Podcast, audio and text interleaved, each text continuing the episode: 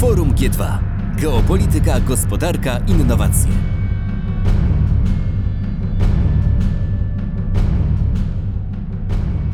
Dzień dobry, witam Państwa serdecznie na ostatnim panelu, ale mamy nadzieję, że najbardziej ciekawym, tym kosmicznym. Chciałam Państwa bardzo gorąco przywitać. Ja nazywam się Barbara Skardzińska, jestem adwokatem. E, swego czasu zrobiłam doktorat z prawa kosmicznego o wydobyciu minerałów, ale to nie ja będę dzisiaj głównie zabierać głos, a moi wspaniali goście. Pierwszym e, gościem jest pan doktor Jacek Bartosiak. Witamy serdecznie. Jest to geostrateg, także prawnik, prezes e, Strategy and Future. Drugim gościem jest pan Grzegorz Zwoliński. Jest prezesem spółki kosmicznej Sat Revolution e, oraz członkiem Rady Polskiej Agencji Kosmicznej, więc mam nadzieję, że e, będzie to silny głos przedstawiciela przemysłu. Trzecim naszym gościem jest pan Leszek Orzechowski, który jest architektem kosmicznym, zajmuje się projektowaniem no, placówek na przestrzeni właśnie na, na Księżycu, ale także jest przewodniczącym Habitatu, dyrektorem Habitatu. W sumie można powiedzieć, że między innymi też projektujemy po prostu laboratoria kosmiczne. O tym mamy nadzieję się dowiemy e, w trakcie panelu. E, jak nie wiem, może zrobię taki wstęp, nie wiem czy Państwo wiedzą, no kosmos nie jest czymś nowym e, w Polsce. Mamy głęboką i daleko idącą tradycję. E, za ojców kosmosów uważa się Polaków, między innymi Konstantego Ciołkowskiego, który tworzył pierwsze mieszanki paliwowe pierwsze projekty rakiet. Co prawda jest on, uchodzi on za naukowca Związku Radzieckiego, ale jego ojcem był Polak, E, pochodzący e, z Wołynia. Mamy także wspaniałe tradycje prawne. Pierwszym przewodniczącym Komitetu do Spraw e, Pokojowego Wykorzystania Przestrzeni Kosmicznej ONZ-u był Manfred Laks, profesor Uniwersytetu Warszawskiego, który także kształcił się na Uniwersytecie Jagiellońskim, więc te tradycje są obecne. Ale większość społeczeństwa widzi kosmos ciągle w tych latach wcześniejszych, tej takiej e, walki pomiędzy Związkiem Radzieckim, a, Związkiem Radzieckim a Stanami Zjednoczonymi. I stąd moje pierwsze pytanie do pana Jacka, pana doktora. E, jak to teraz jest? Bo wiemy, e, że nie tylko Stany Zjednoczone, nie tylko Związek Radziecki jest obecny w kosmosie, coraz silniej obecne są Chiny, Japonia, Indie. Jak się teraz układa ten, ten układ sił? Działa, tak? Działa, słychać? Dobra.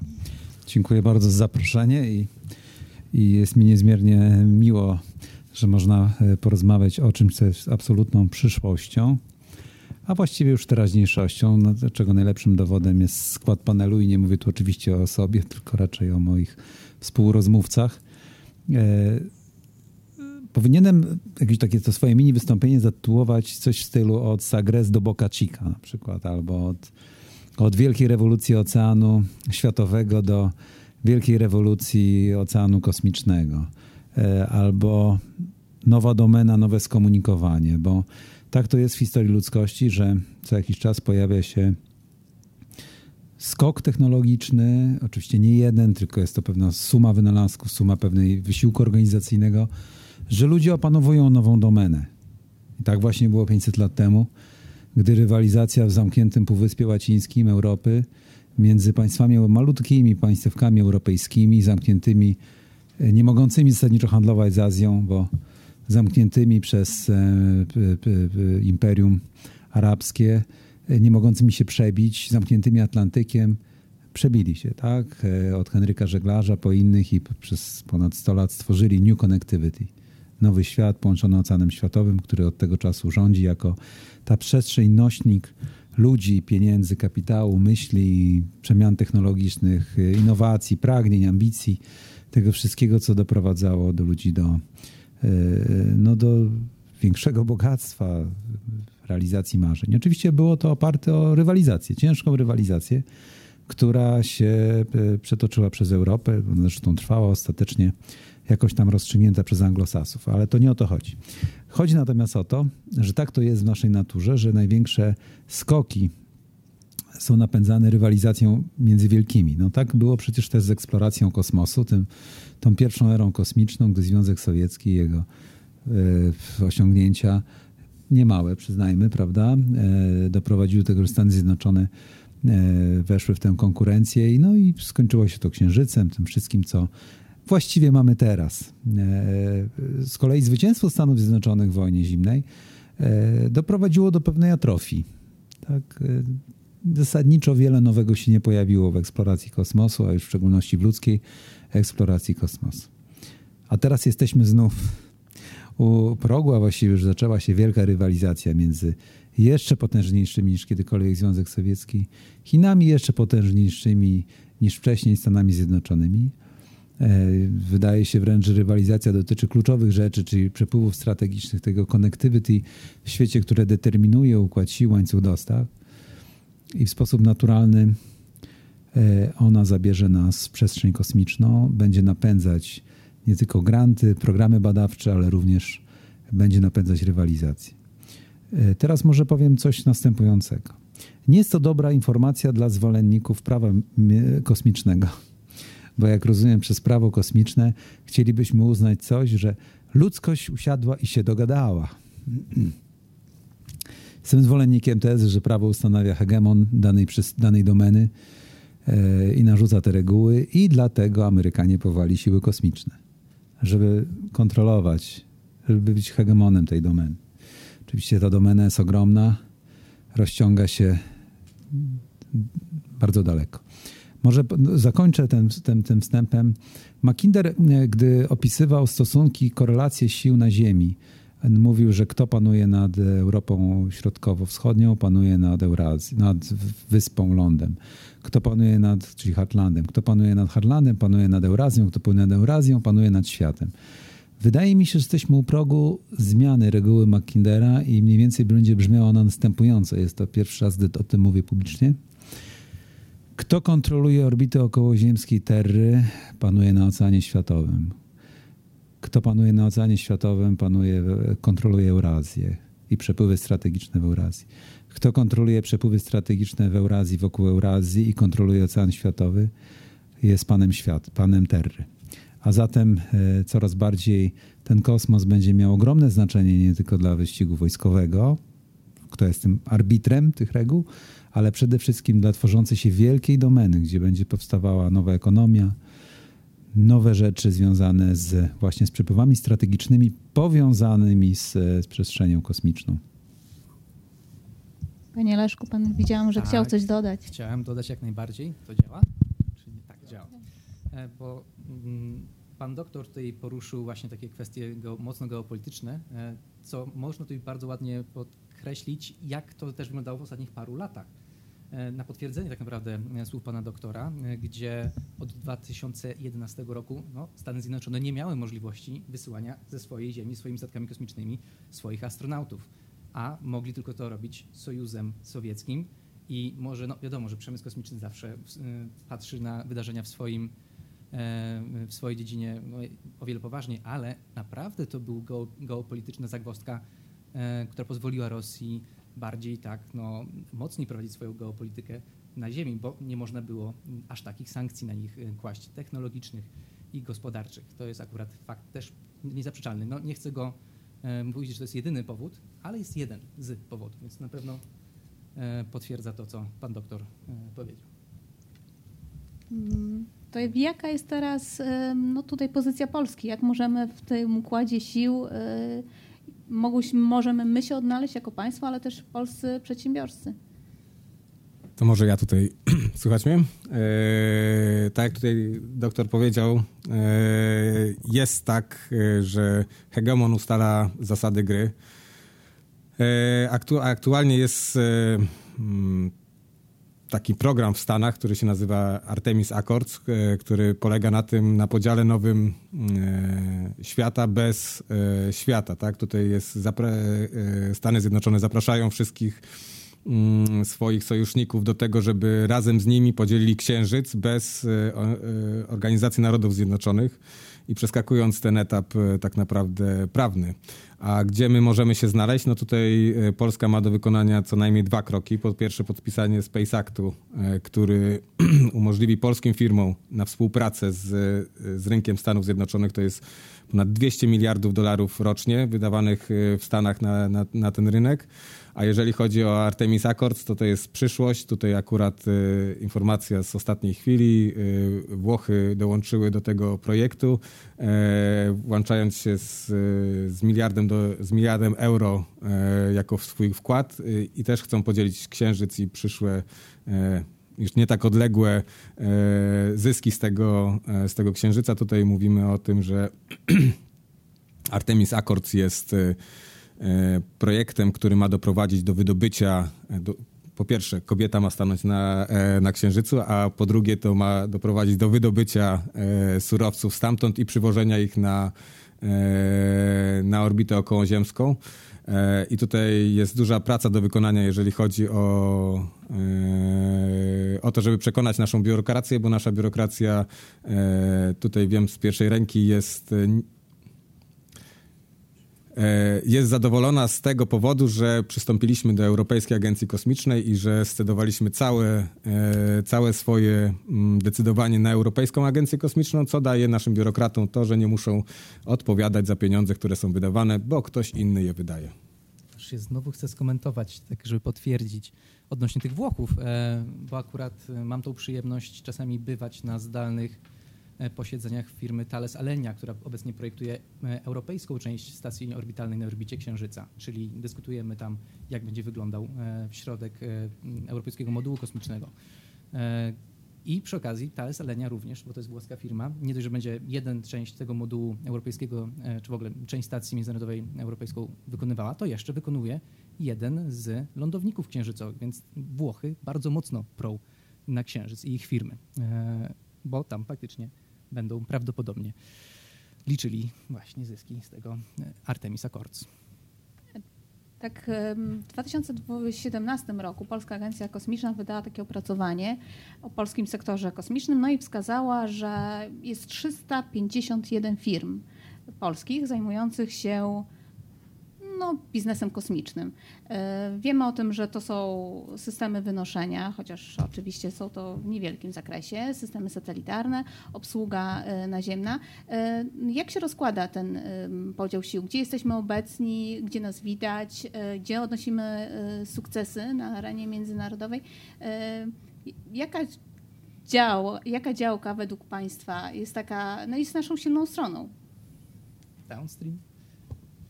E, to może ja tutaj e, powiem. Naszą silną stroną jest produkcja nanosatelit.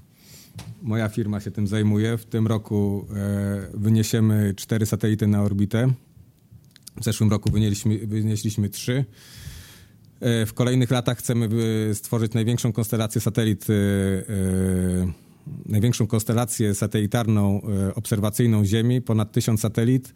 Dostaliśmy finansowanie z NCBIR-u na pierwszych osiem. E, mamy w pipeline kolejne osiem dla e, brytyjskiego rządu. Proponujemy kolejnym rządom kolejne satelity. Mamy wspaniałą, mm, w zasadzie unikalną technologię rozkładanych luster, która pozwala z małej satelity robić wysokorozdzielcze zdjęcia i w ten sposób moja firma jest widziana e, przez różnego rodzaju think tanki, e, NASA, e, Air Force i Także ja tutaj z tej strony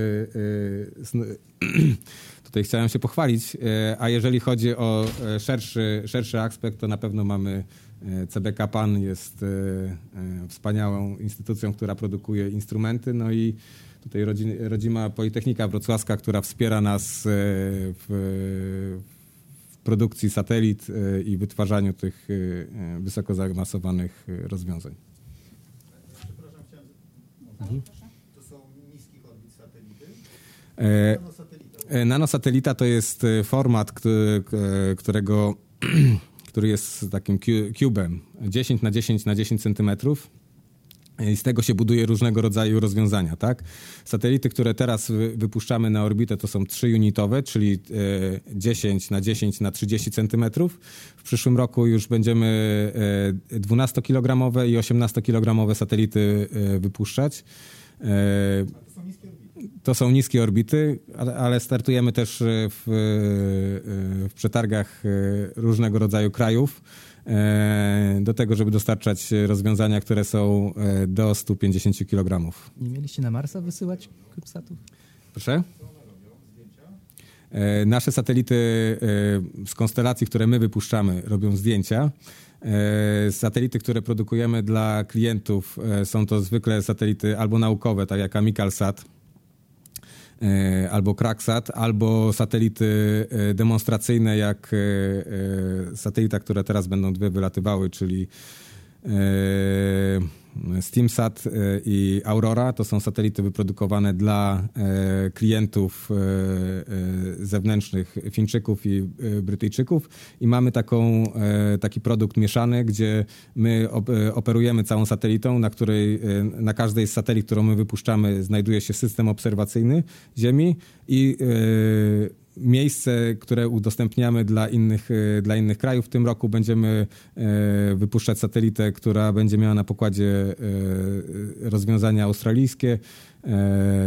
To, będzie Miesiąc temu wysłaliśmy satelitę Amikalsat, który był przygotowany dla francusko-rosyjskiego konsorcjum. A skąd one są wynoszone?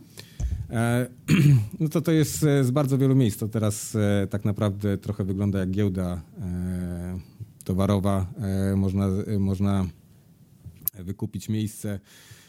My od mniej więcej za dwa miesiące mamy zamiar też pełnić e, funkcję e, e, takiego integratora i wysyłać satelity na orbity. Chcemy to robić ze SpaceXem, aczkolwiek współpracujemy z różnego rodzaju starszymi firmami jak Nanorax, z Northrop Grummanem wynosiliśmy nasze satelity. Mieliśmy epizod z, z wynoszeniem przez Sojuza. Także w zeszłym miesiącu wy, wysłaliśmy na Wedze Trójce nasze satelity, także to tak mniej więcej wychodzi. I tutaj jeszcze kolega przypomniał, że mamy konsorcjum, które tutaj założyliśmy w Polsce, które jest razem z Virgin Orbit, e, czyli e, amerykańską firmą, która zajmuje się wynoszeniem rakiet pod skrzydłami samolotów i z ośmioma mm, polskimi uniwersytetami wyszliśmy z inicjatywą do polskiego rządu, żeby wysłać misję na Marsa. Chcieliśmy ją wysłać pod koniec 20, 2022 roku. E, Miała to być misja, która e, e, powtórzyła przelot koło Marsa, aczkolwiek tutaj nasi rządzący nie byli przeszczęśliwi z tego powodu, że, że chcieliśmy to zrobić. Nie no, z Venus jest su- super sprawą. Też mamy podpisane z Breakthrough wszystkie dokumenty w tej sprawie. To teraz ja chętnie powiem, po co te dane może są, zwłaszcza, że to już jest bardziej idzie w moim kierunku jako architekta, e, który przy okazji na Politechnice Wrocławskiej e, robi doktorat między innymi właśnie w katedrze urbanistyki. A takie dane satelitarne dla rozwoju naszych miast, czy w ogóle samego takiego pojęcia, które jest dość nowe i trudno do scharakteryzowania smart city, będzie no, niesamowicie ważny, bo tu nie mówimy już nawet o globalnych systemach typu europejskie Galileo, które nam będzie pomagało zarządzać całą komunikacją miejską, czy naszą elektromobilnością, ale same da, właśnie dane mm, obrazowe e, pozwolą zarządzać nam lepiej naszymi miastami, planować je lepiej, e, ale też zarządzać i pomagać w e, mm, uprawach żywności, kontrolowaniu poziomu wody. Coś, co jest bardzo ważne i to, co nam tak naprawdę dała cała ta mm, mm, historia, że zaczęliśmy te satelity jakiekolwiek na orbitę wysyłać i zaczęliśmy zdobywać dane odnośnie stanu naszego klimatu, zmian naszego klimatu, gdzie się dowiedzieliśmy przez te technologie satelitarne, co się z naszą planetą dzieje. E, I teraz te dane pozwolą nam troszeczkę lepiej zoptymalizować nasze działania. A więc można popatrzeć na to z dwóch stron, że z jednej strony technologie kosmiczne są dla Ziemi, dla naszego społeczeństwa, dla naszej gospodarki, a z dru- i ten, cała ta pierwsza część e, satelitarna jest właśnie głównie pewnie po to, żeby nas lepiej skomunikować, żebyśmy e, lepiej nasza gospodarka działała, ale jest właśnie ten e, e, kolejny etap, czyli przejście z przebywania ludzi na niskiej orbicie Ziemi właśnie na Księżyc, czyli cały program Artemis, który wpierw powstał jako propozycja Europejskiej Agencji Kosmicznej, która się nazywała Moon Village, e, czyli stworzenie stacji kosmicznej e, nie e, międzynarodowej, nie na orbicie niskiej Ziemi, tylko faktycznie sta, pierwszej stałej bazy na Księżycu. I ta zmiana paradygmatu, zwłaszcza jest dla mnie ważna, dla mojej pracy jako architekta, bo projektując jakiekolwiek e, miejsce do życia poza Ziemią, ale już e, na, jakiejś, na jakimś ciele niebieskim, gdzie są zasoby, e, możemy zacząć projektować i projektujemy tak naprawdę systemy, które mają pewien zamknięty obieg materii,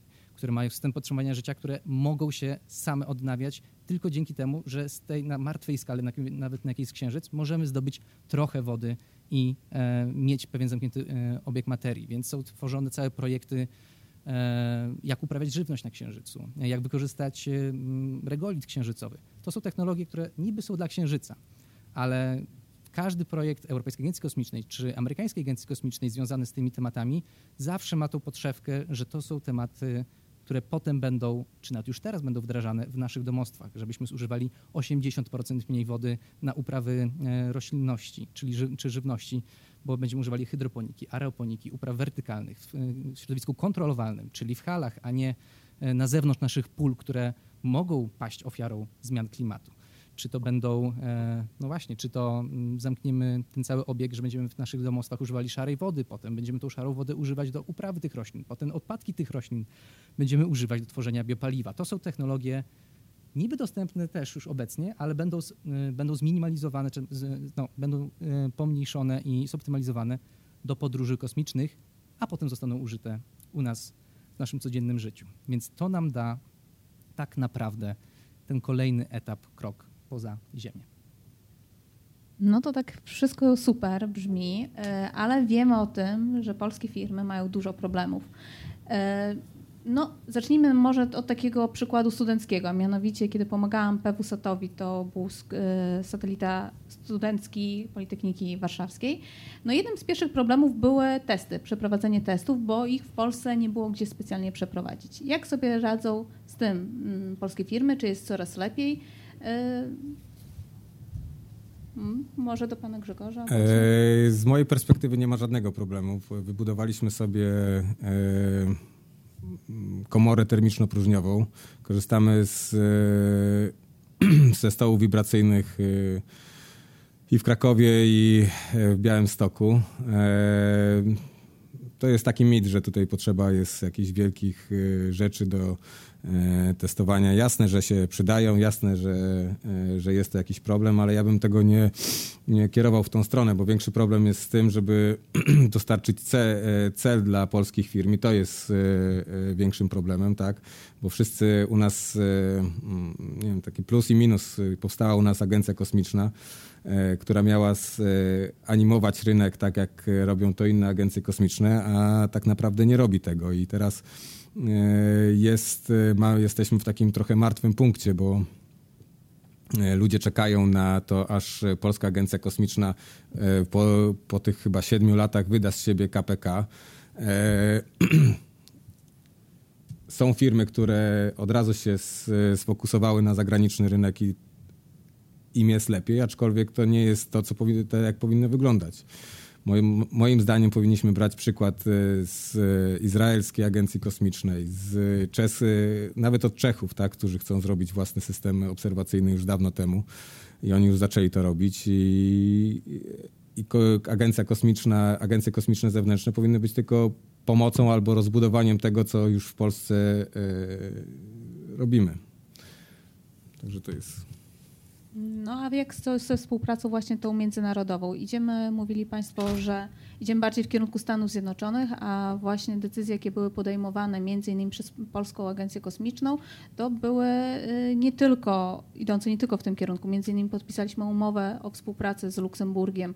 Y, Czy to jest według Państwa dobry kierunek, ta mm, praca jednak w strukturach Europejskiej y, Agencji Kosmicznej albo nawet z państwami europejskimi bezpośrednio? Ja uważam, że współpraca międzynarodowa to jest e, clue i podstawa do tego, żeby robić do, dobry biznes, bo biznes się opiera, opiera na handlu, tak? I teraz, e, jeżeli chcemy myśleć biznesowo, to nie możemy się zamykać do Luksemburga, co jest z całym szacunkiem, to jest wspaniała, e, wspaniały kraj. Nie możemy się zamykać do Europejskiej Agencji Kosmicznej, bo to jest wspaniała agencja, ale musimy po, popatrzeć pragmatycznie. Pragmatycznie wygląda to w ten sposób, że w Stanach Zjednoczonych wydawanych jest 200 miliardów dolarów rocznie na Space'a, a w Europie jest 40 przez wszystkie kraje, gdzie mamy e, różne, e, różne agencje kosmiczne, różne, e, różne prawa, różne podejścia do, do, zewnętrznych, do zewnętrznych kooperacji, plus, plus agencję kosmiczną, która też ma swoje, swoją jakąś tam misję i pomysły. Tak? To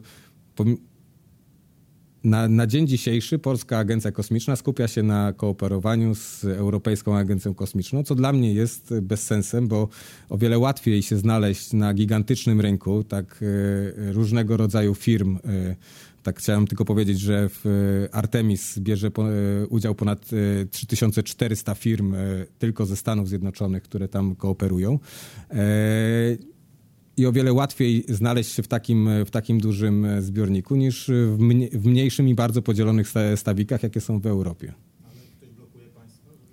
E, Nie, nie blokuje, oprócz tego, że nie mamy podpisanego e, Space Actu i nasz, e, nasze dojście do Stanów Zjednoczonych wygląda w ten sposób, że musimy pracować jako podwykonawca dla firmy zewnętrznej i to było już ćwiczone przy na przykład naszym wspaniałym osiągnięciu, jakim jest wiertło, gdzie niemiecka agencja kosmiczna sprzedała tak naprawdę nasz, nasze rozwiązanie polskie, wspaniałe rozwiązanie, które, które zostało sp- e, kupione od Polaków, sprzedane Amerykanom, bo Niemcy mają podpisaną umowę. I to, nie, i to, to są takie proste rzeczy. Nikt mi nie blokuje tego, bo to przecież nikt nie stoi z karabinem i nie powstrzyma to, od tego, tylko po, powoduje to w te, e, taki, taką rzecz, że ja muszę za, założyć firmę za granicą, gdzie muszę e, później, jak będę wykonywał te rozwiązania dla Stanów, to muszę tam e, z, zlokalizować e, swoich ludzi i tam to rozwijać, co, co nie jest złym wyjściem i my robimy to. Tak jest, nasza firma już jest w Wielkiej Brytanii, teraz chcemy wejść do Stanów też, aczkolwiek można by było kooperować bliżej e, na mniejszych, e, e, na wyższych marżach, o, może tak powiem. To jeszcze też bym dodał swoje jako osoba, która też ma firmę w przemyśle kosmicznym.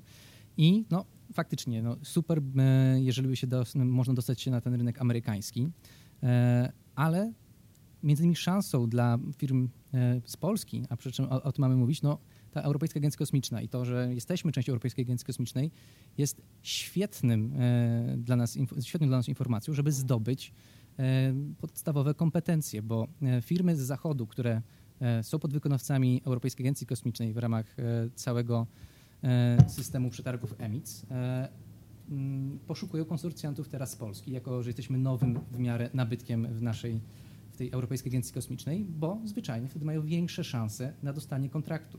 A dzięki temu, między innymi, nasze firmy są w stanie zdobywać e, mm, kompetencje w ramach realizacji e, zleceń dla Europejskiej Agencji Kosmicznej i przy okazji no, już dostają łap, e, łatkę, że są dostawcą technologii w Europie. I to jest bardzo, bardzo ważne, więc bym się nie obrażał na wielkość rynku, ale ten rynek przy okazji też ma pewne mechanizmy, które ułatwiają wejście na ten właśnie europejski rynek. I tutaj z kolei mogę przy okazji powiedzieć, czy zdradzić, gdzie Polska ma nawet dość duży potencjał e, w porównaniu do krajów z, Europy Zachodniej. Mianowicie moja spółka między innymi zajmuje się e, badaniami psychologicznymi e, na ludziach w ramach medycyny kosmicznej, gdzie na zachodzie Europy bardzo trudno zdobyć zgody rad bioetycznych do takich badań.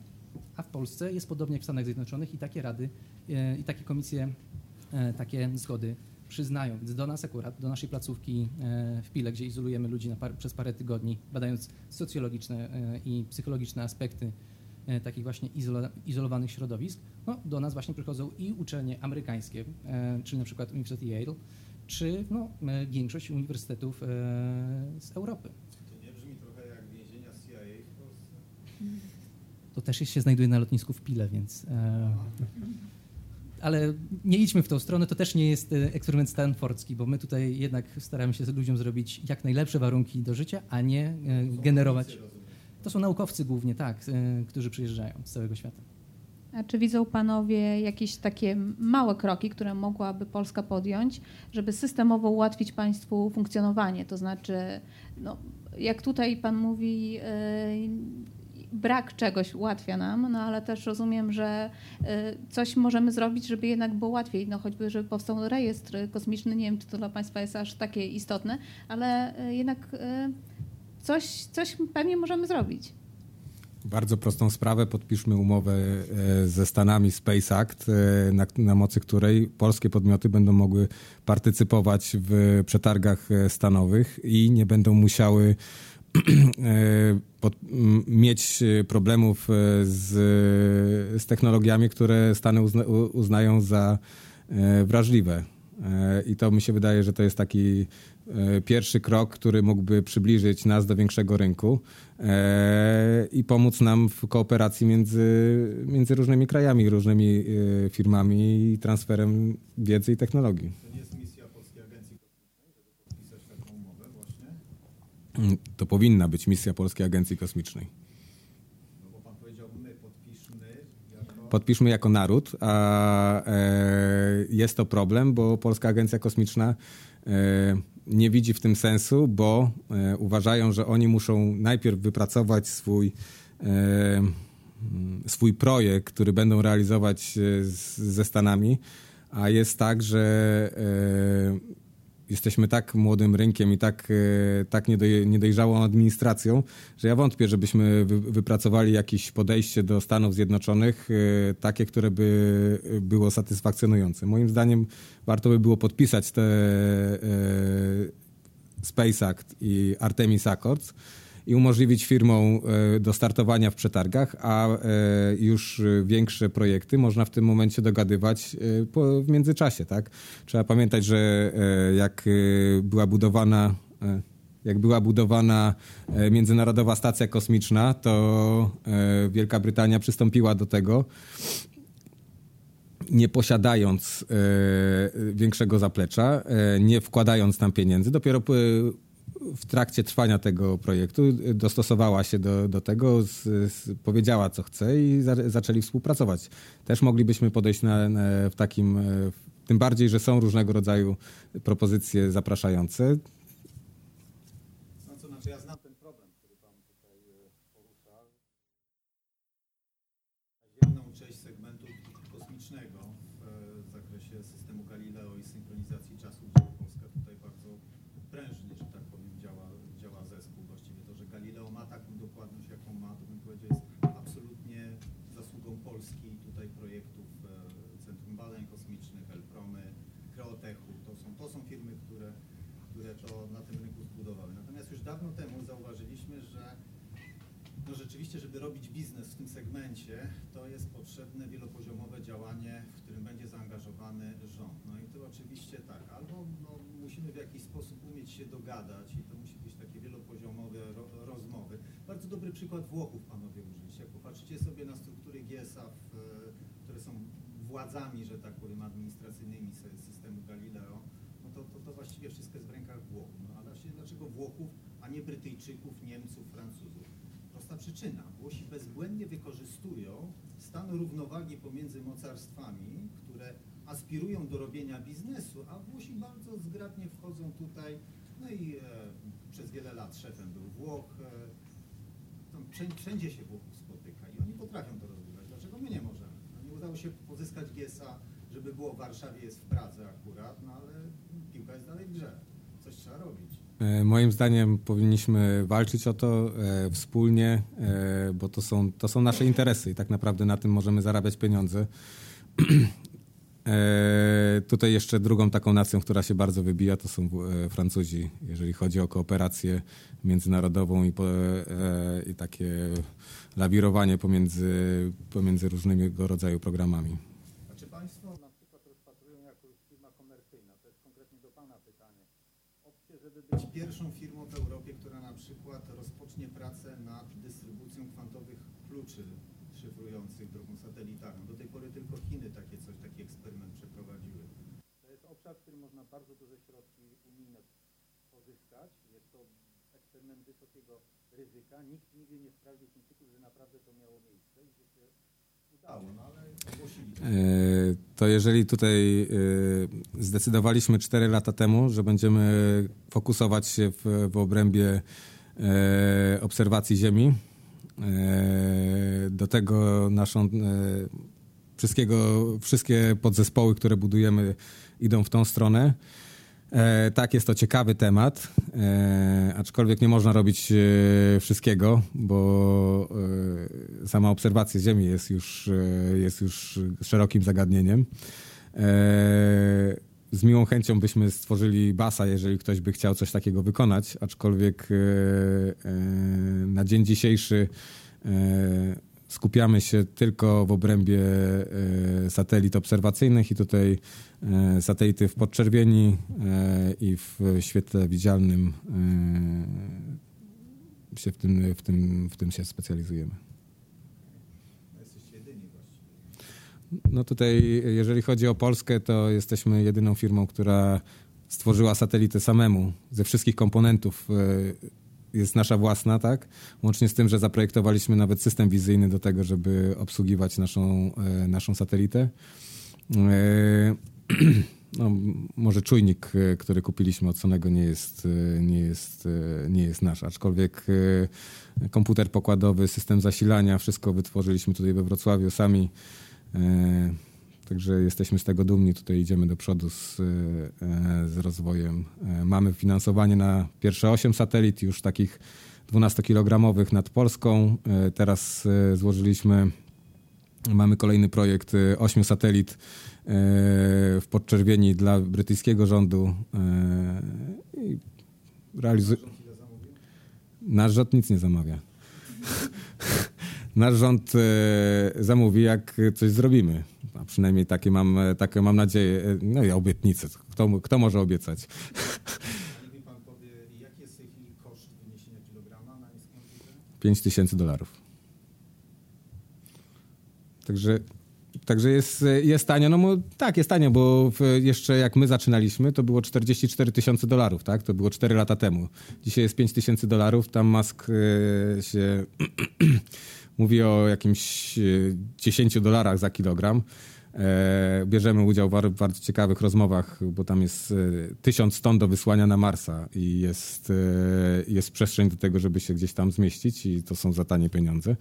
E, aczkolwiek to jest trochę pieśń przyszłości, jeżeli chodzi o, o, taką, o taką cenę.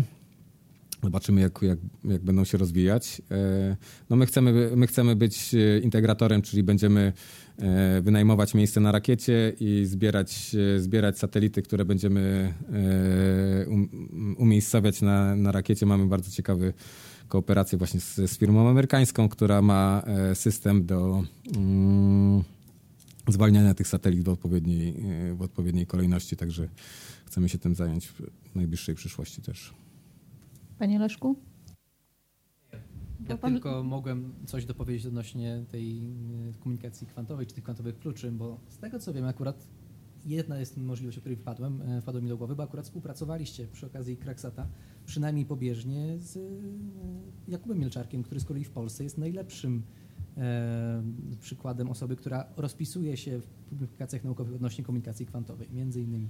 E, tak, tutaj mieliśmy możliwość współpracy z, e, e, z panem doktorem Mieczarkiem, Może już nawet habilitowany. a już nawet habilitowanym. Ale ja nie mówiłem o komunikacji kwantowej, Tylko same kryptografii. Tak. E, To dotyczy przemysłu na Ziemi paradoksalnie, żeby bardzo szybko rozprzestrzeniać Rozprzestrzeniać klucze, tak. symetryczne, żeby ochrona przemysłu całego państwa była, że tak powiem, tak, tak, tak, ale tutaj nasze, e, tutaj ta współpraca z e, doktorem Mielczarkiem, e, mm, pan doktor poje, pojechał do, do Francji, do Marsylii roz, rozgryzać podstawowe problemy tego świata, czyli jak czas działa. I, a jeżeli chodzi o, o krypto, kryptografię, to po prostu to jest, no to, jest, to jest trudny temat, który gdzieś tam niech, niech wpadnie do, do Elbromy pod Warszawą, to pogadamy, bo my tam na co dzień rozwiązujemy te problemy. Czasem profesor Meissner zawita, także ogólnie filozofia i może się wymienimy kontaktami. Zapraszam. No to może jeszcze porozmawiamy już krótko, bo już kończy nam się czas, e, ale o tych e, spin-offach, bo mówimy o tym, że działamy w tym kosmosie, robimy. E, A jakie właściwie mamy osiągnięcia, które no, odnalazły się w życiu co, codziennym.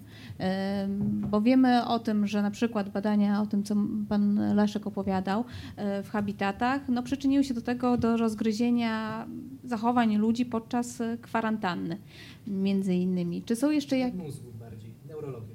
czy są jeszcze jakieś, jakieś mamy w tym względzie osiągnięcia, które e, udało się nam prze, tak na, na życie codzienne przerzucić? Trzeba to przemyśleć. Ja muszę, mogę tylko powiedzieć o, z mojej perspektywy, bo można powiedzieć, mówimy teraz o Polsce, tak? Możemy szerzej, ale no bo wiadomo, że Polski. z czasów mm, wyścigu kosmicznego to mamy rzepy w butach dzieci, i, a potem jeszcze rezonans elektromagnetyczny i takie dobroci do nas przychodzą z przemysłu kosmicznego, ale jeśli chodzi o naszą działalność, no to biorąc pod uwagę, że my rozwiązujemy struktury architektoniczne zamknięte, które mają swoje, no właśnie te aspekty zrównoważonej architektury, no to tworzymy tak naprawdę zrównoważoną architekturę, e, która będzie z jednej strony połączona e, z większym tym e, naszym systemem nie wiem, uzdatniania wody, ale też może być off-gridowa, więc tak naprawdę może, my możemy oferować samowystarczalne domostwo gdzieś e, poza, e, po, poza e, e, cywilizacją, ale to na pewno nie są jedyne rzeczy, które Polska może się pochwalić, bo są jeszcze koparki kosmiczne. Mhm. Czyli szansa na komercjalizację y, jest tutaj także dla polskich, y, polskich przedsiębiorstw. E, No tak, tutaj e, my planujemy dostarczać dane już e, od tego startu w grudniu e, zdjęć e, satelitarnych. E, su- Sukcesywnie będziemy powiększać ilość kamer, które mamy zamontowane w kosmosie. No i chcemy dostarczać to dla rolnictwa, dla ubezpieczeń. To są nasze dwa pierwsze sektory, które tutaj widzimy w Polsce, które odbierają już dane. Razem z, razem z, z naszymi rozwiązaniami i z, też z marżą, która by, którą oni będą mogli wypracować lepszą na, na tych naszych e, produktach.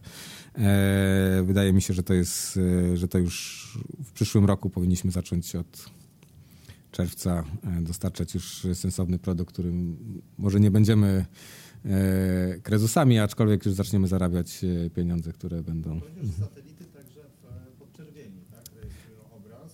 E, Te satelity, o których mówiłem, to, to jest e, projekt dla brytyjskiego rządu i tam będziemy e, badać. To są satelity dla e, Straży Pożarnej, e, które skanują obszar właśnie pod czerwienią, badając, e, badając anomalie, które powstają i e, w momencie, gdy taką anomalię e, zostanie wychwycona, kamery zostaną skierowane i w obraz mniej więcej 4K będzie dostarczany. E, Tak, w Wie- w Wielkiej Brytanii teraz e, od dwóch, trzech lat jest e, wzrost problemu z pożarami. To jest teraz rząd brytyjski wskazał to jako jeden z najważniejszych problemów do rozwiązania, jeżeli chodzi o, dziedzi, o dziedzinę po- pożarnictwa, to po, pożary.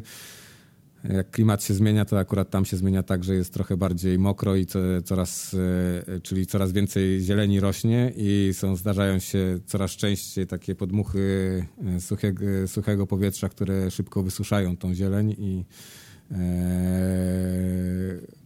znacząco w, w, na przestrzeni ostatnich e, dwóch, e, dwóch lat e, problem wzrósł 400-krotnie e, od tego, co mieli dwa lata temu. Tym bardziej to, co się dzieje teraz w Kalifornii, co się stało wcześniej w Australii, to, to, jest, to, są, to są problemy, które też rząd brytyjski chce rozwiązywać na świecie. A taką technologię w jakikolwiek sposób można by wykorzystać w przewidywaniu, chociaż krótkoterminowym kataklizmu, typu jakiś tam wulkanologia, Na, na, pewno, e, na pewno można, aczkolwiek danych, które potrzebne są do, zgra, do zgromadzenia, e, no jest odpowiednia ilość, bo to zawsze te pro, programy sztucznej inteligencji są wszystkie super, oprócz tego, że potrzebują gigantycznych ilości danych i uczyć się muszą na tym. Ja e, tylko nie rozumiem. Ile takich satelitów, nie wiem, Wielka Brytania u Państwa, nie Osiem. za- Osiem zamawia. No, one mają szybki tranzyt, więc tak naprawdę to, to jak one tam Wielką Brytanię sobie tam zeskanują?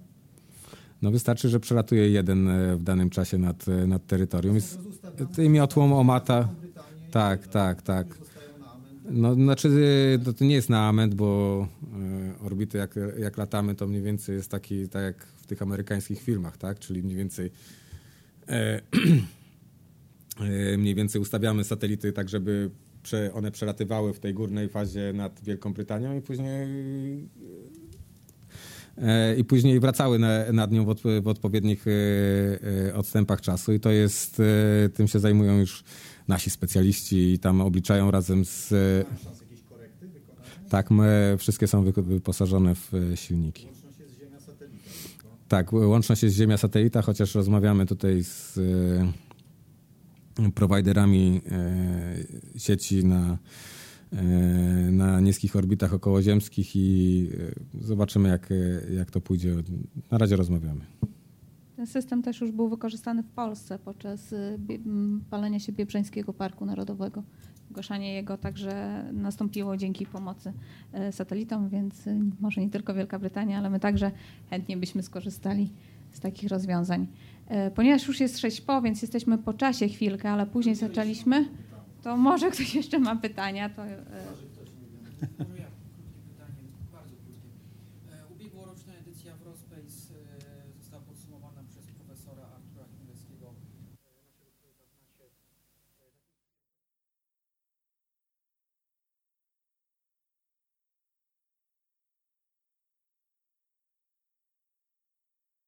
E, rozwijający się pomiędzy Polską e, i pomiędzy Stanami i Chinami. E, I moje pytanie do doktora Bartosiaka. E, Czy e, w obecnej sytuacji e, konfliktu, mm, e, rywalizacji, e, tych zmian geopolitycznych, geoekonomicznych e, jest szansa, żeby Polska, polski biznes e, kosmiczny taką rolę odgrywał?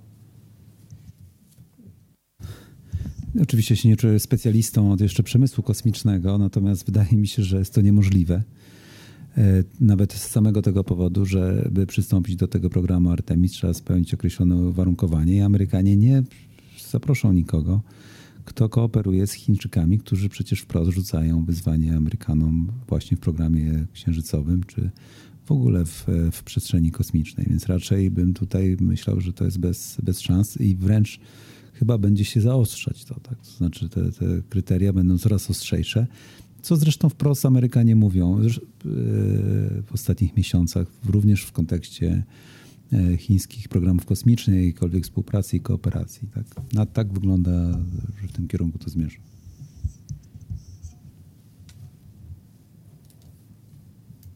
Możemy coś ugrać na tej sytuacji? Nie możemy nic ugrać.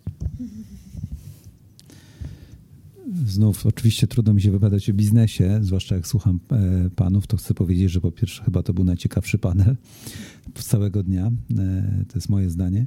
Po drugie, e, ta informacja, jak, jak się zmienia cena wynoszenia kilograma na orbitę, jest najlepszym podsumowaniem trwającej i nadchodzącej, przyspieszającej rewolucji no, connectivity, skomunikowania, tak, wszelakiego, prawda, oddziaływania i współdziałania przestrzeni okołoziemskiej z, z domeną ziemską, ze wszystkimi konsekwencjami dla stworzenia nowej ekonomii czy nowych gałęzi przemysłu. I, i ci, którzy zajmą oczywiście pierwsze miejsca w określonych miejscach, e, te, te, to, to będą mieli przewagę. E, Trudno mi coś wypowiadać, natomiast ja mam jeszcze jedno pytanie do panów. Jak zmieniłoby się, gdybyśmy dodatkowo mieli zdolność transportową jako Polska, nie wiem, jakaś firma, mieliśmy rakietę, która na przynajmniej na niską orbitę jest w stanie wynosić obiekty, czy coś by zmieniło to w postrzeganiu, w, szansach biznesowych, nie wiem, stworzeniu całego łańcucha zamkniętego pewnego wynoszenia i używania, czy w kontekście oczywiście nowej, nowej prawda, no, tej proliferacji y, jednak kosztów czy środków transportu i łatwiejszego dostępu do przestrzeni kosmicznej. Czy jednak to ma znaczenie, że się ma własne zdolności transportowe dla biznesu? Y, Czy to już jest tak, jak mówi pan, że na giełdzie się kupuje tę usługę i, jedziemy z tym? Może ja tylko dodam wstęp. Polska ma właściwie dwie rakiety, są prace nad dwie, dwoma rakietami obecnie prowadzone. Pierwsza to jest rakieta Bursztyn w Instytucie Lotnictwa, druga to jest rakieta e, Bigos, obecnie Perun bodajże, w, e, w Gdańsku, prywatnej firmy Space Forest, więc tam prace nad tym e, trwają. Chociaż to są akurat rakiety suborbitalne, tak? tak. Ale mm, Jakby, ale z tendencją, że mogą dalej polecieć, jeśli wyjdzie najpierw sub, y, ten, ta linia. y, y, W naszej 100 części Europy akurat my, superwitalne rakiety, właśnie na przykład Szwecja albo Norwegia ma, bo to są głównie wy- wykorzystywane do celów badawczych, więc jak najbardziej to jest taki y, element, y, gdzie mamy konkurencję, możemy jeszcze- mieć konkurencję. w To jeszcze może drugie takie Europy. pytanie uzupełniające jeszcze do, też do Państwa. Jak Państwo to widzą, że nawet jakbyśmy mieli te rakiety, to nie mamy skąd ich e, specjalnie wynieść. To znaczy możemy z platformy e, Europejskiej Agencji Kosmicznej niby skorzystać. No i Znaczy jest opracowanie, gdzie Polska może latać nad Bałtykiem. E, oczywiście musielibyśmy mieć... Zamknąć Bałtyk, bo jest... no to, to nie jest tak... To nie jest tak, e, że musielibyśmy zamknąć Bałtyk. Jest e, problem z tym, że musiałyby być, e, te rakiety musiały być o pewnym stopniu bezpieczeństwa, tak żeby można było to wynieść i ubezpieczyć. To jest pierwsza sprawa. A druga, nie wiem, czy polskie firmy będą w stanie konkurować cenowo, bo systemy, które tutaj mogłyby powstać, to są systemy, które moim zdaniem to, to, co ja, to, co ja promowałem, to są systemy, e, które powinny być podwieszane pod samoloty i wyrzucane z mniej więcej z 10 kilometrów, e, coś takiego jak Virgin Orbit robi, bo to jest jedyne sensowne e, wyjście z, z, z, naszy, z naszych wód, tak?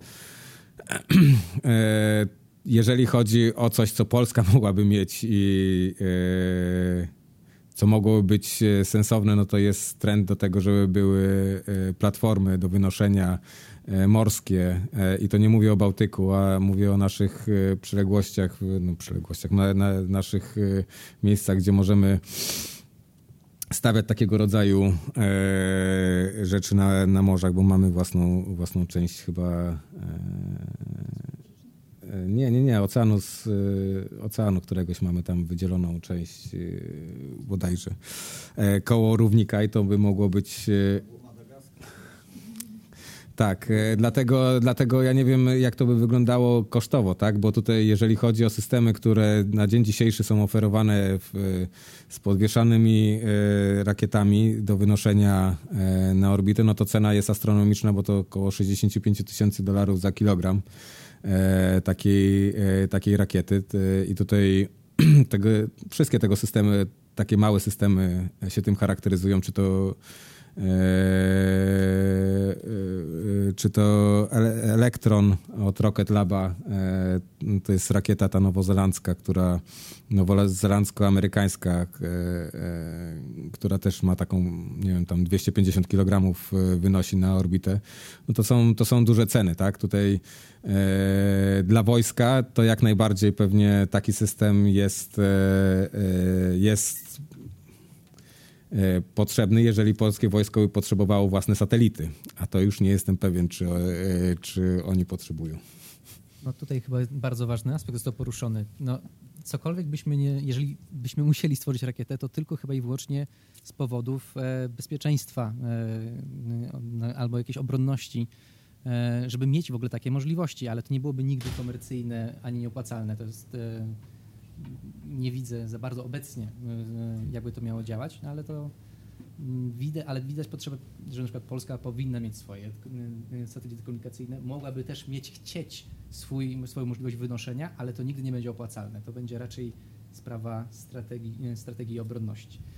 E, Ale mm, wracając szybciutko do tej ceny satelitów za wyniesienie za kilogram, to troszeczkę mi odpadł mój codzienny, zwyczajowy y, powód, dla którego lecieć na Księżyc, bo zawsze był ten argument, że taniej zrobić satelity na Księżycu niż je wynosić z Ziemi, żeby potem je jeszcze e, umiejscowić na niskiej orbicie Ziemi. A teraz już mi to odpadło tak naprawdę do argumentów, czemu lecieć i, i tworzyć tam coś. No, no trudno, będę musiał szukać nowych powodów w dyskusjach. Czy są jeszcze jakieś ostatnie pytania? No nie padła właściwie odpowiedź na, na tutaj Pani pytanie i Pana pytanie. No, załóżmy, że mamy, tak, że jednak to się opłaca, udało. Jaka jest konkretna korzyść biznesowa? No, możemy wynosić. Dla Pana jest to taniej, więc większa marża. E, Mamy tutaj problem, bo to jest, jeżeli chodzi o tą e, szerokość geograficzną, to byśmy. Problemy. No. E, Znaczy, no, znaczy, znaczy ko, ko, e, korzyść, korzyść bi- biznesowa jest taka, że musielibyśmy chcieć wysyłać satelity na te, na te szerokości geograficzne, na których my jesteśmy. Z jakichś powodów, tak? I to dlatego by mogło, dlatego by mogło mieć miejsce. Dlaczego są, e, wysyła się z różnego, e, z różnego rodzaju miejsc na świecie e, satelity? Dlatego, żeby pokryć odpowiednie obszary świata. To nie jest tak prosto wysłać satelitę i później zmienić jej orbitę. Tak, Chciał zerwać z kwestią problemów technicznych, jakie Pan tu porusza. Mhm. mamy nieograniczony dostęp. Jest to tylko kwestia, czy warto w ten przemysł inwestować i jakie Tak. on konkretnie korzyści przyniesie. Dla Pana jest to większa marża, bo dzisiaj no, musi Pan zapłacić innym. To, to... Znaczy, e, jeżeli, jeżeli, jeżeli chodzi o, o, o, budżety mniej więcej, jakie są wydawane na, tylko na wynoszenia, to jest 80 miliardów rocznie na całym świecie. Przy, bez Chin. O, może tak. Oni nie podają. Znaczy, bo, bo, bo oni nie podają. Tak, bo im nie można wierzyć. A, Startują najczęściej. a startują najczęściej, tak. Tam jest pięć uniwersytetów, którzy ma, które mają własne porty do tego, żeby startować, także Myślę, że warto. Na razie żyją dwa lata. Te planowane jest e, trzy lata. E, tych, które będziemy wysyłać, e, bo chcemy zmieniać mm, generację mniej więcej co półtora roku, dokładać nowe satelity i e, tak jak telefony teraz. Chcemy otworzyć fabrykę, produkować w 2025 około pięciu satelit dziennie dla naszych potrzeb, do tego, żeby całą, całą konstelację rozłożyć równo na, ziem, nad ziemią. Co się z nimi później dzieje? One się spalają? Stają?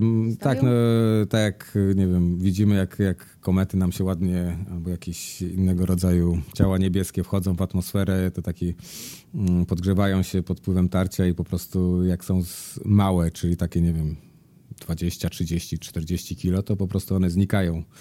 E, bo wyparują podczas wejścia do, w atmosferę, a no jak są większe, to trzeba je e, już kierować do oceanu, tak żeby spadły w, w odpowiednim miejscu, gdzie jest miejsce dla satelit. A do badań geofizycznych Ziemi to, to Wy nie robicie? Chyba z uranu, jakieś z uranu kule się strzelało, tak? Żeby mierzyć E. Tutaj, tutaj e, niestety nie, nie znam tego aspektu. My na, na, na dzień dzisiejszy się spotka, skupiamy tylko i wyłącznie na produkcji satelit i obrazowaniu. Tak? To, jest, to jest nasz konik i to jest to, co, to, co my robimy, to, co, to, co, e, to, co my rozwijamy u siebie. A ja tylko zakończę jeszcze z tymi rakietami. Dlaczego jest pewien sens rozwijać przynajmniej niektóre aspekty tego, e, tego przemysłu? No bo to też chodzi o same silniki rakietowe, które przecież można wykorzystać właśnie już w statkach kosmicznych albo na Księżycu. Niekoniecznie to musi być cała rakieta, ale elementy tych rakiet to już super. I Tak, no, tak. Space Forest na pewno pracuje, ale bycie dostawcą silników, czemu nie? Bo to one mogą być potem wykorzystane w różnych miejscach, nie tylko na rakietach. Może to by oznaczało, że musimy przeskoczyć już etap rakiet i robić tylko lądowniki księżycowe albo ciężarówki, które będą skakały sobie po księżycu i, i dowoziły nam różne zasoby. Albo, mo, ale ten potencjał, przynajmniej za, zasób i wiedzę i, i, i umiejętności ludzi powinniśmy jak najbardziej w tym kierunku przynajmniej trochę kierować.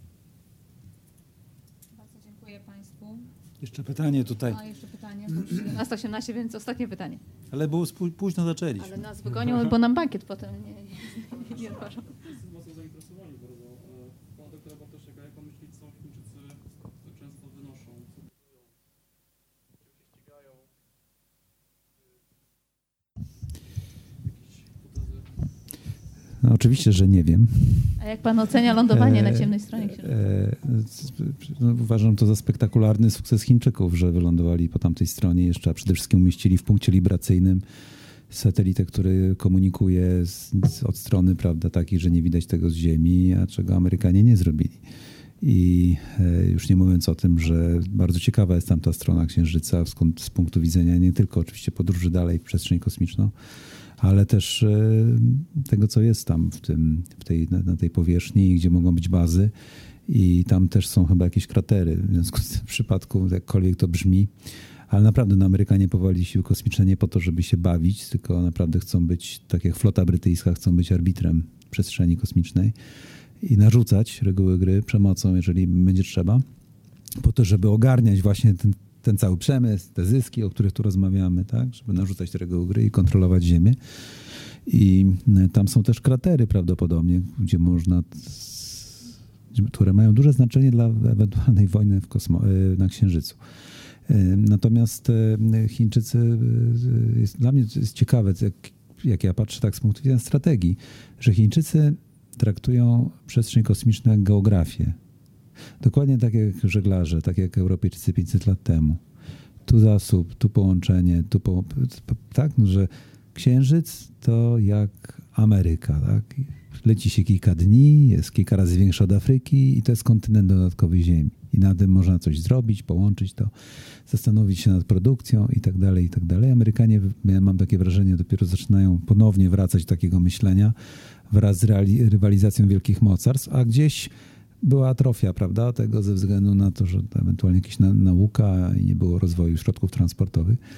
No i prawdopodobnie wraz z tym wielkim wyścigiem będzie mnóstwo rewolucji, które będą przełamywały. Widzimy, co się dzieje z SpaceX, e, z, z, no, z, z możliwością e, wielokrotnego użycia rakiet. No, przecież to jest przełomowa technologia. Tak? Widzimy, co się dzieje, że mamy nanosatelity, tak? które są małe. E, No, a myślę, że dla ludzi takich przeciętnych, jak zapytamy na ulicy, to się wydaje, że kosmos, Boże. A teraz coraz bardziej rozumiemy, że ludzie żyją na takiej wąskiej, małej, wąskiej warstwie na powierzchni Ziemi, a wszystko inne jest ogromne i 100 kilometrów, no mniej więcej linia Karmana, tak, i tam już jest przestrzeń i tam nie ma suwerenności państwa i generalnie można sobie hasać, zrobić coś z tego, produkować być może. Pamiętamy Onila, ten High Frontier, tak, tą książkę, która rozbudziła Amerykanów. Mamy możliwość w punktach libracyjnych i tak można mnożyć. I, i tego, to, co panowie mówili, jest dla mnie dowodem, że tutaj chyba dopiero się rozpoczyna prawdziwy bieg. Nie tylko pokazać się na Księżycu, tylko wykorzystywać zasoby jego, tak? I to jest ta różnica z poprzednim wyścigiem sowiecko-amerykańskim i wszystkimi tymi aplikacjami, produkcją, e, paliwami na orbicie, to co Musk mówi, tak? Rewolucją transportową, rewolucją przemysłową przy wykorzystaniu przestrzeni, nowych wynalazkach, to jak e, Terra korzysta z tego, co się właśnie obserwuje, pożary i tak dalej, to kosztuje, ta przesył danych.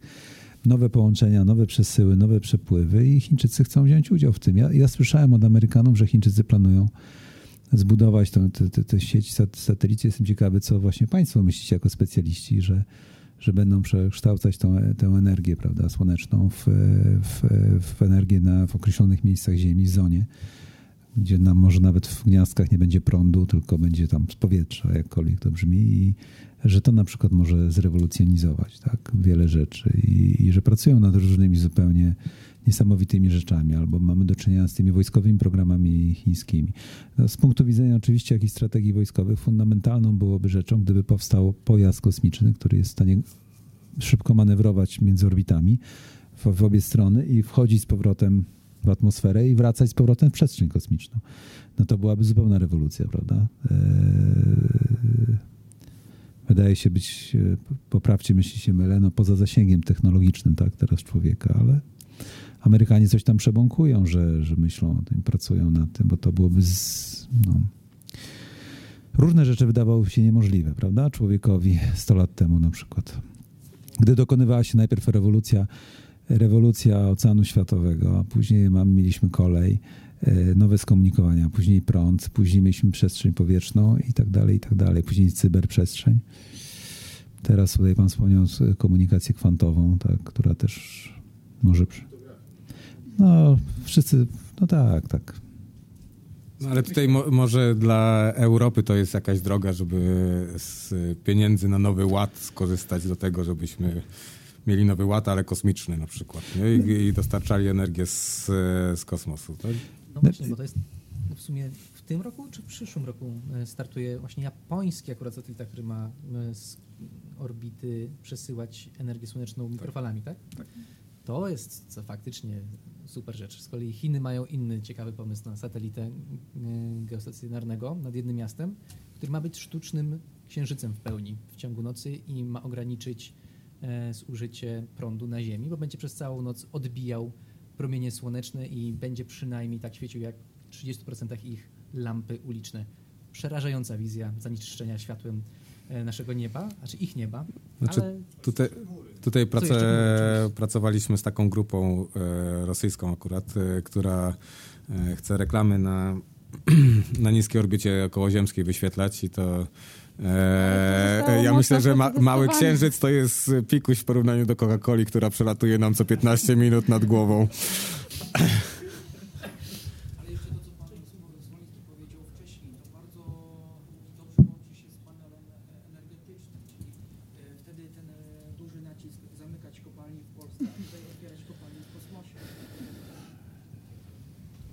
Jak najbardziej. Ja jestem, ja jestem za, bo to e, jest jakaś idea i może, może Polska powinna się.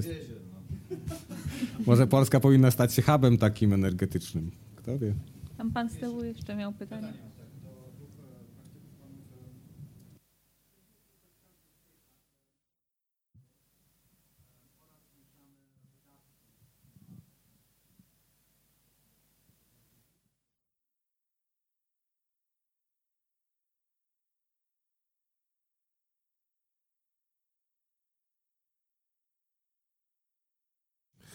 To ja może posłużę się analogią, bo tutaj otworzyliśmy nie z byle powodu e, naszą siedzibę drugą w Wielkiej Brytanii.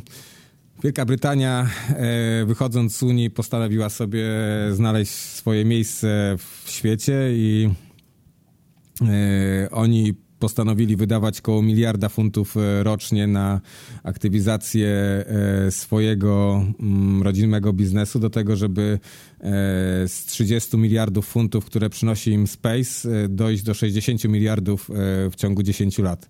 Także jeżeli mie- mielibyśmy ambitny plan do tego, żeby zrobić coś w końcu w, w kosmosie jako kraj, to wydaje mi się, że jeżeli byśmy z zera weszli e, mniej więcej albo blisko zera, weszli na 5 miliardów euro rocznie po 5 latach, to i tak by było, e, to i tak by był e, wielki sukces. Jaki efekt? Miejsca, mie, miejsca pracy i wysokie płace, jeżeli chodzi o. E, e, a, technologia. E, Jeżeli chodzi o technologię, no to tutaj e,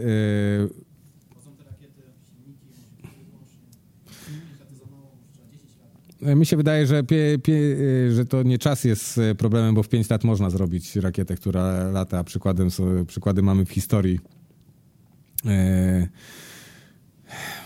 Przed wojną i, i w trakcie wojny drugiej, także i po wojnie, jak ludzie potrafili zrobić systemy, które działają. E, Mi się wydaje, że jesteśmy w stanie na pewno stworzyć e, sensowne miejsca pracy i e, sensowny biznes, który i to, to z mojej z mojego punktu widzenia, ja nie patrzę się, co stworzymy jakąś technologię czy nie, tylko jak będziemy bogaci później po tym, jak będziemy, jak będziemy w tym wszystkim operować, bo to do czegoś musi prowadzić to wszystko. No, a w kontekście Artemis Accords, pan, z tego co wiem, niedługo będzie e, pokazywał pierwszą europejską e, koparkę do regolitu księżycowego, więc akurat może nie trzeba powtarzać kroków e, już rozwiniętych państw, które mają infrastrukturę drogową, ale może trzeba produkować cię- ciężki sprzęt i pójść o krok dalej, czyli skupić się jednak na tym, w czym jesteśmy dobrzy, w wydobyciu niektórych surowców. Jeżeli już nasi naukowcy prawie mają tą, tą koparkę regolitu księżycowego w celu pozyskiwania wody głównie, to może warto w tą stronę. A teraz chyba NASA ogłosiło konkurs na e, dostarczenie regolitu e, i plus e, ULA, czyli United Launch Alliance ma też kontrakt na dostarczenie na niską, orbit, na, na niską orbitę okołoziemską też regolitu. No, chyba 3 miliony dolarów.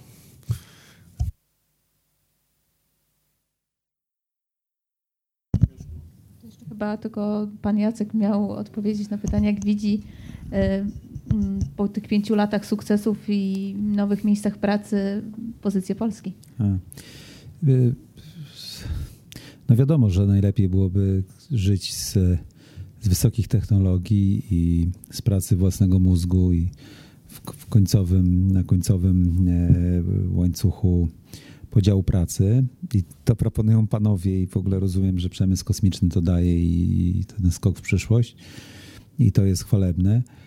Ja szczerze mówiąc, tak myślę sobie oczywiście znów pod kątem strategicznym, to zwłaszcza e, ta rewolucja dotycząca, że to się robi takie redundancy, to znaczy może być mnóstwo tych e, satelitów, mnóstwo w przestrzeni kosmicznej tych przekaźników, e, to daje na przykład no, jest, jest niesamowitym mnożnikiem w przypadku zmagań na ziemi. To znaczy akurat dla naszego wojska to byłoby znakomite, bo wyrównywałoby jakieś tam szanse w, w nowoczesnej bitwie zwiadowczej, bo kto teraz widzi szybciej, łączy to systemem dowodzenia, z jakąś sztuczną inteligencją, analizą danych i podejmuje szybciej decyzje, to zabija przeciwnika. I to samo w sobie działa stabilizująco dla naszego na przykład bezpieczeństwa. I aż mnie zastanawia, dlaczego nasi tego nie, nie, nie robią intensywnie, chociaż rozmawiałem z pełnomocnikiem ONU a propos tego i on sprawia wrażenie rozumiejącego to tak miesiąc temu. Co już jest sporym sukcesem, jak na państwo polskie. E, I e, no zwłaszcza, że właśnie to wszystko jest coraz tańsze, bardziej możliwe i jest tego tak dużo, prawda, że bardzo ciężko nawet to czy soft-killowo, czy hard-killowo zniszczyć prewencyjnie, no bo tego jest właśnie tak bardzo dużo. I e,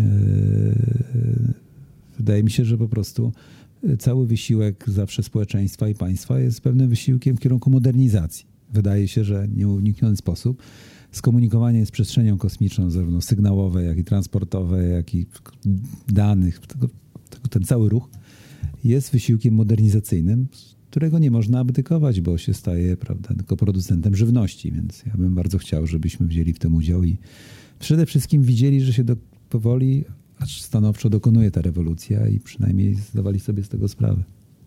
Ja jeszcze jedno pytanie. No, że jeżeli pan wygrywa te przetargi, tak, i pana sprzęt wybierano, wybierają Amerykanie, nie, nie spotyka pan problemu natury, nie wiem, że jest brak zaufania do technologii polskiej, czy, czy to nie wiem, jest testowane jakoś tak, że to zaufanie od razu jest, czy nisza decyduje o tym, że to zaufanie z natury jest? E, My wy- wykorzystujemy firmy, które są e, znane na tamtym rynku. E, I to jest problem. Tak. Yes, indeed. I to jest, to jest to bardzo dobre pytanie i jeszcze lepsza odpowiedź, która pokazuje, jak się wie, w jakiejś rewolucji jest tylko w peryferium. Nie? Bo wtedy trzeba płacić komuś, to daje pręd, no mówiąc wprost. Tak. Ja Sam. w swoim życiu udawałem Holendra i miałem całkiem niezłe wyniki. On Podaje się, za, bo jestem Polakiem, to trochę gorzej i poważnie zastanawiam się, skąd to pytanie padło. Tylko muszę wybrać dobrą narodową.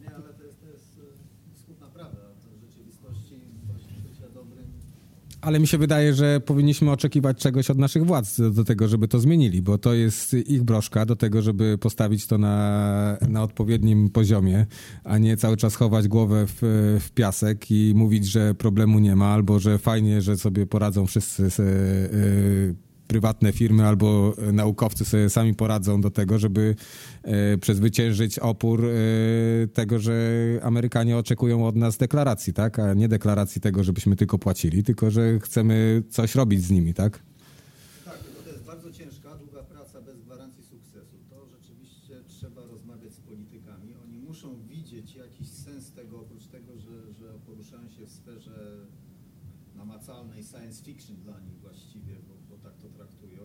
I to musi mieć konkretne przełożenie, ale to jest bardzo ciężka praca. Pan jest młody, więc tutaj bardziej w tę stronę spoglądam.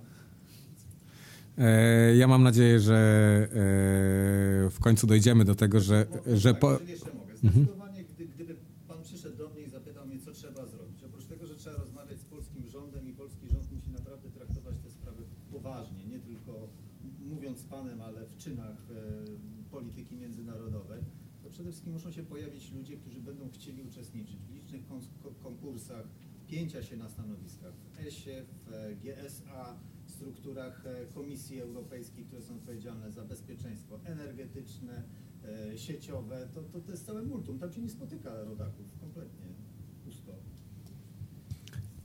Niektórzy udają Holendrów, a inni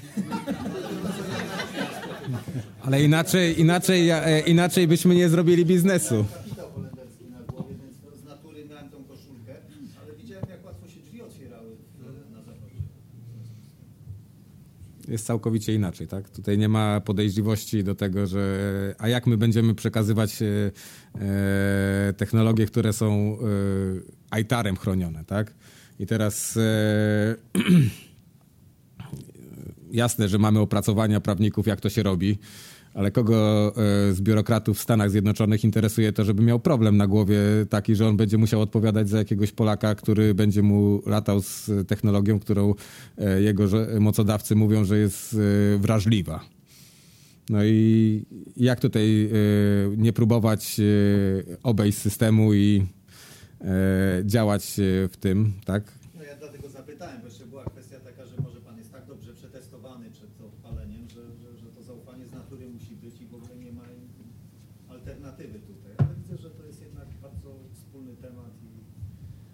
Mi się wydaje, że wszyscy Polacy potrafią e, zrobić to, co trzeba, kiedy trzeba.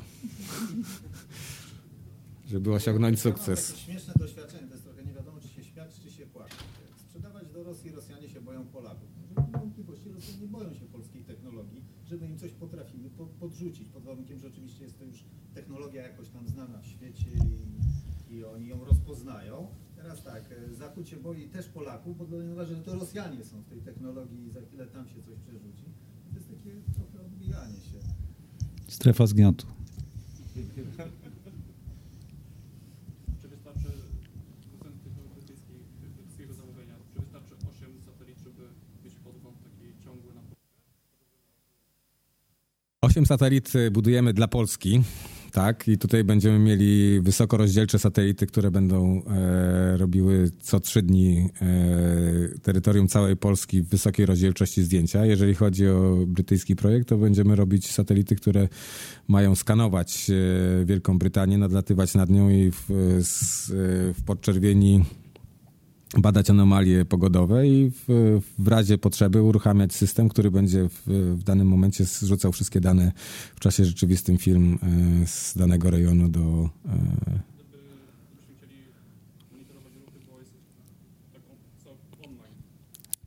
E, widzi pan, moja, moja, to co ja robię, czyli ponad tysiąc satelit, które chciałbym umieścić na,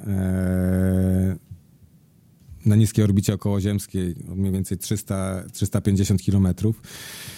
Co, co pół godziny e, satelita, która, e, która robi zdjęcia w, e, po prostu przesuwając się, moglibyśmy odświeżać ten sam kawałek Ziemi co pół godziny. Jeżeli byśmy umieszczali te satelity w takim, czyli na przykład, nie wiem, detekcja by była jakaś, to moglibyśmy w tym momencie w czasie rzeczywistym e, e, robić zdjęcia tak danego miejsca, bo po prostu satelita jak się przesuwa, to, to musi po- pointing robić do, do tego jednego miejsca, musi celować to jedno miejsce i robić, robić film, tak? E, My tymi satelitami, które, które produkujemy, mamy taką możliwość i mm, jak umieścimy ich ponad tysiąc, będziemy mogli bez problemu obserwować każdy kawałek Ziemi. Ziemi bo na, naszą ideą jest Ziemia, a nie Polska, bo w Polsce mamy rynek tak wielki, że, że musiałbym nie, musiałbym być bogaty. A... E, Wie pan co, no to, to nie, nie ma problemu z e, kolizjami, tak jak e, mamy być szczerzy, no to jest opracowanie Europejskiej Agencji Kosmicznej, że jeżeli nie zaczniemy robić coś te, teraz, a zaczęliśmy, no to za 200 lat będziemy mieli problem z wyleceniem z, e, z orbity okołoziemskiej, tak? Musk teraz umieszcza na e, niskiej orbicie okołoziemskiej ponad 140 tysięcy satelit, tak, e, które nie, będą, nie będzie problemu z wylatywaniem z, z Ziemi nawet z taką ilością satelit. Jeżeli chodzi o ilość śmieci, które mm, e, są takich sztucznych, no to jest ponad 150 tysięcy obiektów, które są monitorowane cały czas e, przez różnego rodzaju służby. No i są z, e, teraz, jeżeli chodzi o Tutaj pani może pomoże mi, jeżeli chodzi o ustawodawstwo e, space'owe, no to chyba idzie w tym kierunku, prawda? E, Tak, dokładnie. To na razie jest wszystko w prawie miękkim, ale zasadniczo cały czas i na, na forum ONZ-u, jak i na forum poszczególnych e, organizacji i agencji są opracowywane rekomendacje i działania i promowane te rozwiązania, które sprzyjają temu, żeby e, ta ilość tych śmieci była e, coraz znaczy, ograniczona, no bo problem jest no, nie tylko w tych 150 e, monitorowanych, ale jeszcze w milionie innych śmieci, które krążą i których nie, nie mam pojęcia jak i gdzie one latają. Ale to już różnego rodzaju roboty są opracowywane do tego, żeby zbierać e, z orbity i naprawdę różnego rodzaju fantazyjne e, rzeczy są opracowywane do tego, żeby ze śmieciami sobie radzić.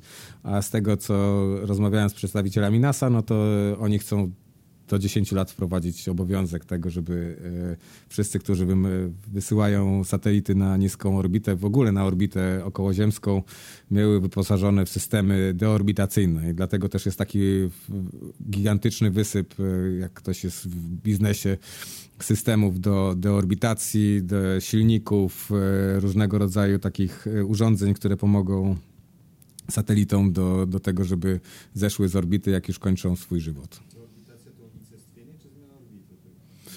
E, szybciej wchodziły w atmosferę i się spalały. ale Tak, to, taki był sens PWSATA m, tak. polskiego, żagiel kosmiczny, który Tutaj- zwiększył troszeczkę aerodynamiczny opór, żeby się szybciej jednak w tej Tutaj są dwa, dwa, e, dwa aspekty, bo jeżeli chodzi o wysokie orbity, czyli geostacjonarne, no to tam, e, tam jest specjalna orbita, na której się śmieci wyrzuca. Tam nie ma śmieci. E, Są śmieci i to, jest, i to właśnie o to chodzi, że tam jest naprawdę dużo satelit.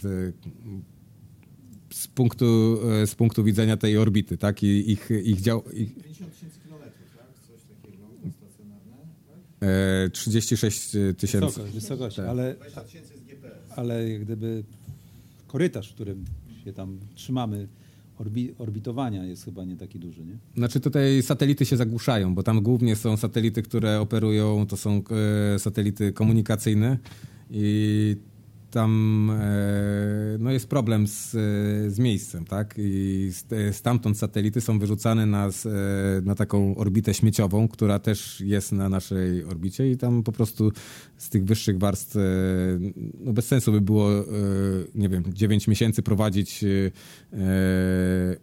proces deorbitacji albo wyjścia z jak, jakiegoś ściągnięcia tego śmiecia, po prostu jest odkładane na specjalne, specjalne miejsce. To już zostało parę dziesiąt lat temu opracowane. I... W sumie jeszcze takie dwa aspekty. Po pierwsze, no, technologia chińska między innymi pokazała to, że są państwa, które potrafią zestrzelić e, nieczynnego e, satelitę, więc pojawił się także tutaj e, taki problem tego, że jeżeli potrafią zestrzelić no, nieczynnego satelity, to potrafią też zestrzelić satelity, które e, działa, więc też te prace nad e, śmieciami kosmicznymi doprowadziły też do, do nowych pytań, też tych geopolitycznych. A drugi aspekt to jest taki, że to też nie chodzi o to, że zaśmiecamy przestrzeń kosmiczną, chociaż to też jest ważny element i żeby chronić te elementy, które są w tej przestrzeni, ale także żeby chronić y, Ziemię. I był taki znany y, wypadek, a mianowicie Sputnik spadł na terytorium Kanady na, na, w latach 70. Co prawda rozbił się w okolicach y, tamtejszego jeziora na terenach niezamieszkałych, więc nie było wielkich strat w ludnościach, natomiast było y, na dużym terytorium zostało dużo paliwa, które było, znajdowało się w tym, tej satelicie i y, Rosja nie chciała wówczas zapłacić za oczyszczenie tego te, terytorium. Ostatecznie y, zapłaciła grację y, na rzecz dobrych stosunków z Kanadą, jednak był to rzeczywisty spór prawny, który później doprowadził do tego, że ta kwestia była poruszana i starano się ją uregulować także na forum ONZ-u, więc to nie są też takie dywagacje, że czyścimy kosmos i boimy się, e, żeby ten kosmos nie był za brudny, ale to jednak są wy- wymierne już takie problemy, które mogą mieć wydźwięk także e, na Ziemi. Już 17.43, Jest super. więc bardzo dziękuję Państwu Dziękujemy. za aktywny udział i, i bardzo dziękujemy naszym panelistom. Forum G2. Geopolityka, gospodarka, innowacje.